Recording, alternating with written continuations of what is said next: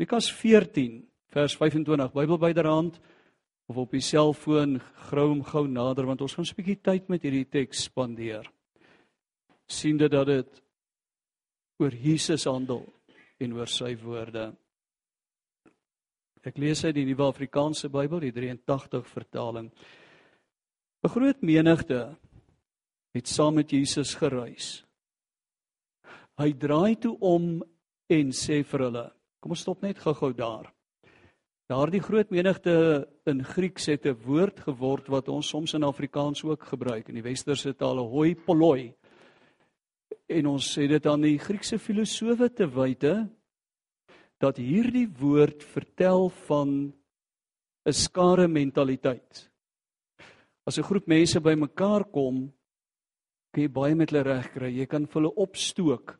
Hulle sal doen as 'n groep wat hulle nooit as individue sal doen nie. Hulle sal 'n winkel bestorm en plunder. So ons sien dit nou gereeld met hierdie diensleweringsbetogings. Die mentaliteit van 'n skare, dis die woordjie wat daar gebruik word. En ek wil waag om te sê Lukas gebruik dit om iets van daardie betekenis weer te gee. Ons gaan nou terugkom daarna. Die tweede opmerking. Jesus loop.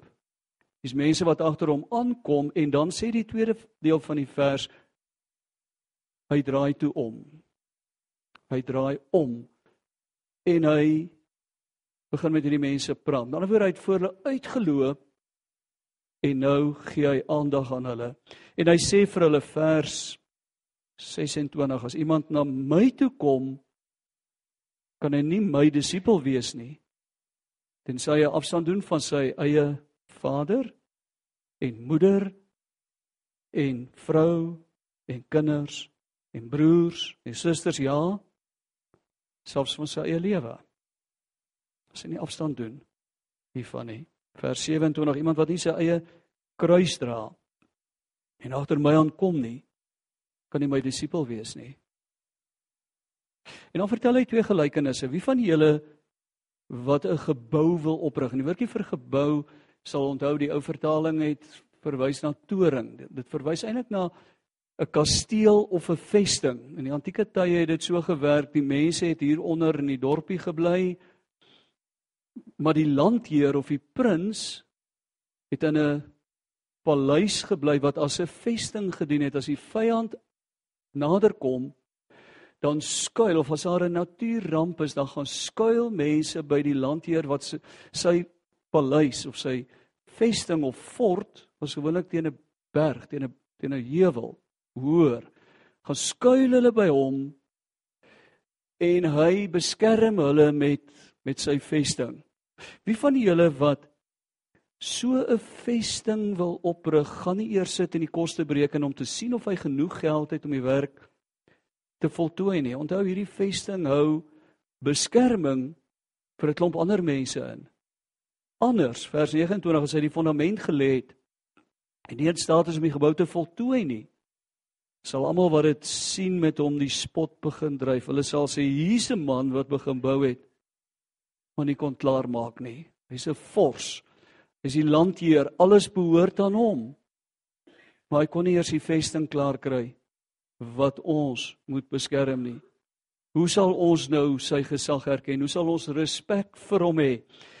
Vers 31 'n ander gelykenis of watter koning wat met 'n ander koning in 'n oorlog betrokke raak, sal nie eers gaan sit en oorweeg of hy met sy 10000 man sterk genoeg is om die ander een teen te staan met 20000 wat teen hom optrek nie. Anders stuur hy 'n afvaardiging om vredesvoorwaardes te vra terwyl die ander een nog ver is. So kan iemand van julle my disipel wees as hy nie bereid is om van al sy besittings afstand te doen nie. Mag die Here sy woord in ons harte seën.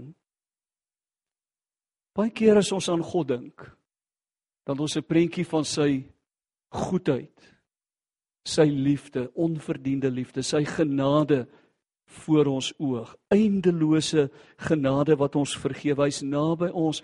Hy's ons vriend. Hy's die vesting waarin ons vlug as ons nood het. Maar dan lees 'n mens 'n gedeelte soos hier in Lukas 22. En skielik besef jy daardie prentjie is net deel van die waarheid.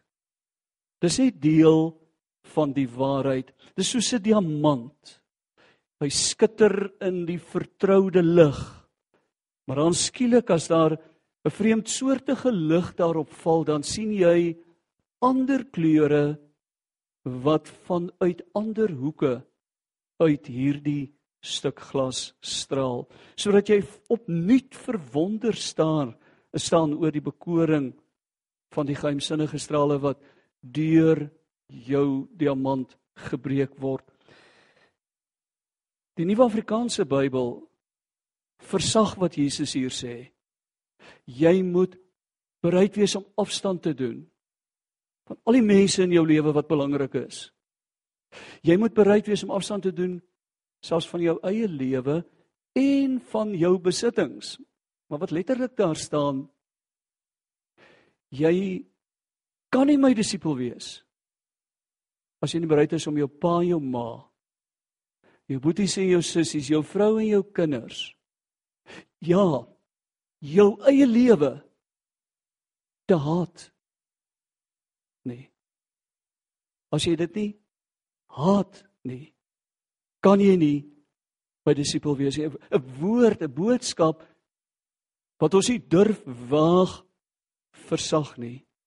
As iemand sy vertroue op my stel, moet hy alle ander mense en aspekte waarop jy vroeër vertrou het bereid wees om dit tersyde te stel. Jesus nooi nie net mense uit nie. Hy stoot hulle ook doelbewus af. Hy waarsku ons in plaas daarvan dat hy net die ewige lewe beloof, waarsku hy as jy my volg, gaan jy jou lewe verloor. Jy gaan dit wat vir jou kosbaar is daarvan afstand moet doen. Dis die koste om agter my aan te loop. Dit is belangrik dat ons dit sal raak sien.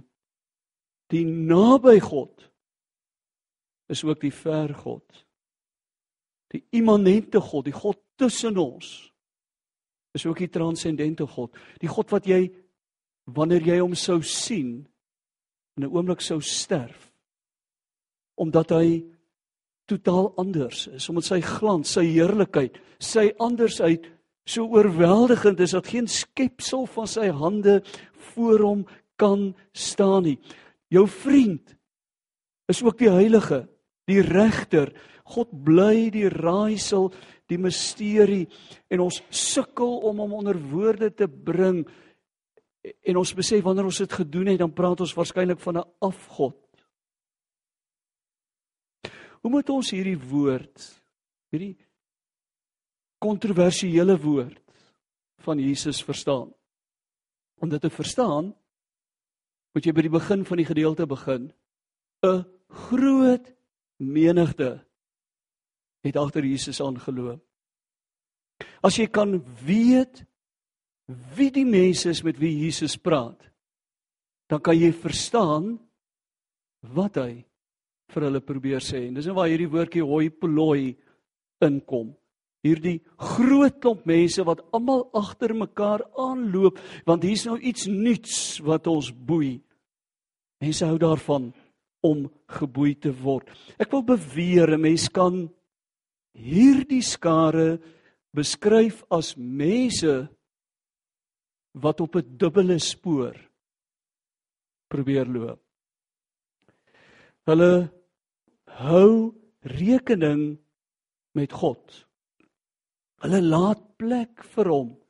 Trouwens, hulle doen ook moeite om na sy stem te luister. Daarom is hulle in die kerk, by die tempel in Jesus se tyd. Maar wanneer hulle met hulle eie lewe aangaan, is dit soos 'n skakelaar wat afskakel. Hulle is nie goddeloos nie. Maar God raak weg. God raak weg in hulle lewe. Hulle lei 'n godlose goeie lewe. Hoor wat ek probeer sê. En daarom sien Jesus hierdie skare ongelukkig. Dis dis 'n eienskap van Lukas se evangelie dat hy na die skare verwys as mense wat verwese is, soos mense sonder 'n herder. Mense wat nie weet waarheen hulle gaan nie. Mense sonder vrede. Dis omdat hulle hart verdeeld is. Hulle wil God tevrede stel. Maar hulle wil ook hulle eie lewe lei. Hulle wil genoeg van God weet dat hulle gewetes is. Maar nie soveel dat dit hulle lewenswyse wat ek wels gedryf word deur selfsugtige motiewe indringend beïnvloed nie. Hulle bid. Hulle dink terselfdertyd aan die werk waarmee hulle besig is. Dis die mens dink ek vir wie Jesus verduidelik 'n bietjie God 'n bietjie ewigheid 'n bietjie godsdiens is dodeliker as geen godsdiens dis amper soos om 'n bietjie BTW te steel of om 'n wit leentjie te vertel of om net so klein bietjie egbreuk te pleeg. Jy sien mense wat halfhartig agter Christus aanloop. Wat op 'n dubbele spoor loop is altyd geneig om neerslagtig te wees want hulle lewe word gekenmerk deur 'n innerlike tweespalt. Dis net die mens wat opreg agter God aanloop in wat hulle doen en sê en besluit en is wat werklik vrolik van hart kan wees wat sorgeloos kan lewe wat kan sê ek het genoeg ek is tevrede want dis 'n mens wat weet wat Christus vir hulle inhou. Dis die mens wat die duidelike rigting sien wat Christus vir hulle aandui. As jy God net deels begeer, word hy net 'n remskoen. 'n Hindernis wat jou gewete al die slegte plekke aankla. Dan word godsdiens 'n skuldkompleks waarteen jy die res van jou lewe moet paklei met geen kans om daaroor te wen nie. Terwyl as jy Christus van harte volg, dan is daar niks wat jou meer gelukkig en vrolik maak nie omdat hy jou 'n nuwe mens maak wat op 'n nuwe pad loop en wie se lewe oomblik vir oomblik sin maak. Jy verander van 'n mens wat stoei en baklei teen wat met jou gebeur in 'n stuk ontevredenheid en ongelukkigheid. En 'n mens wat sê dis God se pad. Hy's met my op pad. Daarom Daarom kom hierdie radikale eis wat sny tot die wortel van jou en my lewe. Jesus word die chirurg wat nie skroom om die mes in te lê om die kanker met wortel en al uit te sny nie. Al bedreig dit jou lewe wanneer hy dit doen. Al is dit pynlik, al is die behandeling smartlik, weet hy Dis al wat gaan help. Dis die enigste manier hoe ek en jy van die verslawing aan onsself verlos kan word. Om van afhartigheid bevry te word, sê Jesus, het jy nodig 'n radikale ommekeer. 'n Afskeid neem van alles wat voorheen vir jou waardevol was, waaruit jou lewe bestaan het. En dan moedig hy jou aan. Moet nooit tevrede wees met halwe keuse nie. Wees eerder dan maar koud as jy nie warm kan wees nie. Maar moet net nie lou wees nie. En dis hoekom dis hoekom Jesus by hierdie twee gelykenisse kom. Hy sê voordat jy impulsief agter my aanloop, jou hart vir my gee en sê nou sê ek 'n kind van God, gaan maak eers jou sommetjies. Gaan doen eers so 'n bietjie jou huiswerk, bereken eers die koste sodat jy nie op die ou end met 'n halwe toring sit of met 'n halwe leer mag nadat die vyand oor jou gegaan het nie. Dat Jesus so streng is, dink ek, is 'n stuk louter goedheid. Hy gee nie vir jou 'n paar druppeltjies vir die kanker in jou lewe nie, maar hy beveel 'n radikale terapie aan wat 'n deel van jou menswees gaan doodmaak sodat jy ware lewe kan vind. Nou mens so maklik kon sê Jesus eis dat ons almal moet lief hê. En nou kom hy en hy sê jy moet jou pa, jou ma en al die mense wat vir jou kosbaar is haat. Natuurlik is dit nou is die rene wat aanskakel. Jesus wat die oortreffende trap gebruik om te wys op 'n dreigende gevaar of vir jou te sê jou lewe is op die spel. Ondersoek wat jou nader aan God bring en let baie mooi op wat jou van hom skei. Uh Amerikaanse bekende teoloog het het die storie vertel wat in sy gemeente gebeur het van 'n 'n jong man, 'n tienerseun wat in 'n goeie Amerikaanse huisgesin groot word. Aan niks gebrek het nie. Alle gerief wat die Amerikaners kan uitdink en wat ons ook 'n toevallige klomp geld kos omdat ons agter hulle aanloop. En selfmoord pleeg. En in sy selfmoordbrief teken hy verskoning teenoor sy ouers aan. Hy sê ek weet wat ek nou doen gaan julle ontgoochel. Ek twyfel nie vir 'n oomblik aan my ouers se liefde nie. Maar hulle ken my nie. Hulle het vir my alles gegee wat ek nodig het. Hulle het goed vir my gesorg. Hulle het nooit na my geluister nie.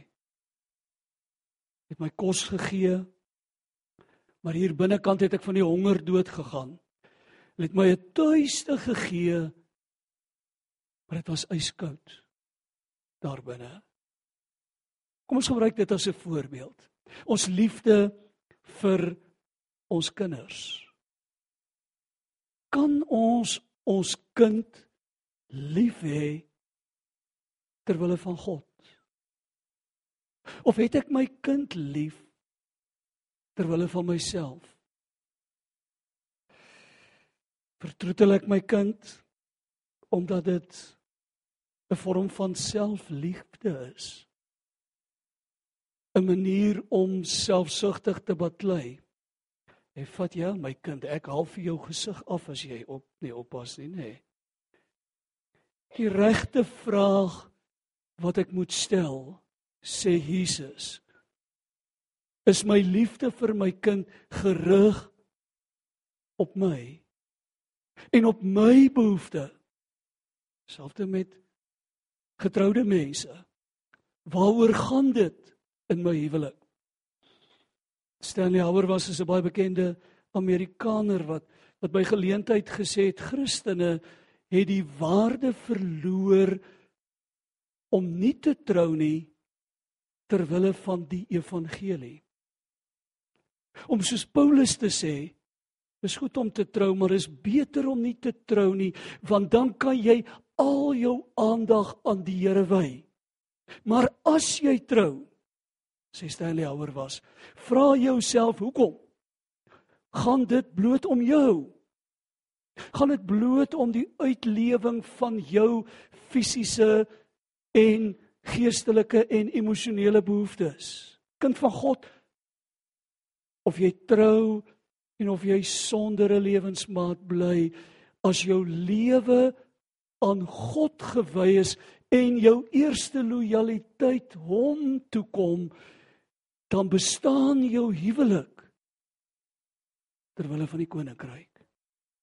Dan het jy 'n kind ter wille van die koninkryk. En as jou kind die dag sterf, wat dalk een van die verskriklikste goed is wat in 'n mens se lewe kan gebeur, gaan jy dan sê dit was al die tyd u kind. As jou kind in 'n netwerk van dwelms wegraak, sal jy dan kan sê Here, u het hierdie seun vir my geleen. Maar aan die einde van die dag behoort hy aan u. Ek gee hom terug vir u. U sorg vir hom. Hoor u die taal wat ek gebruik as jy hom eerste stel? dan verander alles in 'n mens se lewe, jou prioriteite en jou lojaliteite verander. Die wonderlike is dit wat jy vir hom gee, gee vir jou terug. Jy sê vir hom alles wat ek het behoort aan u. En as iemand dit kom steel, Here, dan seksuaal jammer vir hulle. Ek bid maar vir hulle want hulle het eintlik u eiendom gesteel. Hulle het nie my vreugde gesteel nie. U het dit vir my geleen en nou het iemand anders dit kom vat seën hulle dat hulle dit tog maar geniet daai groot skerm TV. As jy vir my weer een wil gee, sal ek bly wees, maar 'n kleiner skerm sal dalk ook werk. Maar wat ek het kom uit u hand. Ek het nog nooit iets gehad nie. Ek het gedink ek het. Maar tot ek uitgevind het ek behoort aan die Here en dis hy wat vir my gee wat ek nodig het. Daarom leef ek vergenoeg en tevrede. Hy gee alles wat ek nodig het om te lewe en om te dien wat toevallig 'n aanhaling uit 2 Petrus 1 vers 3 is. Hoekom dien ons God? Dis eintlik waaroor dit gaan, hè. Dien ek hom ter wille van gawes? Dien ek hom sodat hy vir my sal gee wat ek nie self in die hande kan kry nie? Dat hy vir my doen wat buite my vermoë val of dien ek hom omdat hy God is? Die gewer. Stimulatus Hulle kom Jesus teen, hulle sê asseblief maak ons gesond. Hoeveel van hulle word gesond en kom terug en sê baie dankie? Hoeveel van hulle is bly oor hulle gesondheid en gaan aan met hulle lewe? God kan nie as korttermyn versekering uitgeneem word nie. Jy betaal elke maand en jy vergeet van hom, maar jy vertrou. Die dag as jy 'n eis instel, gaan die maatskappy dit honoreer. Baie mense bid in hulle elende, maar ek vermoed hulle vergeet van God sodra dit beter gaan. Jesus is nie negatief nie. Hy sê nie jy moet op 'n eiland gaan bly. Jy moet as 'n hermiet celibaat erns gaan bly nie.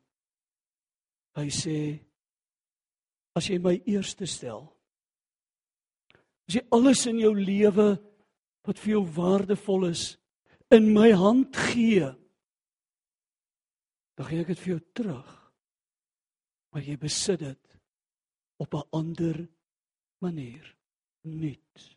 Die mense om jou word die mense met wie jy moet stoei om 'n stukkie ruimte in hierdie wêreld te kry, hulle word geskenke uit my hand.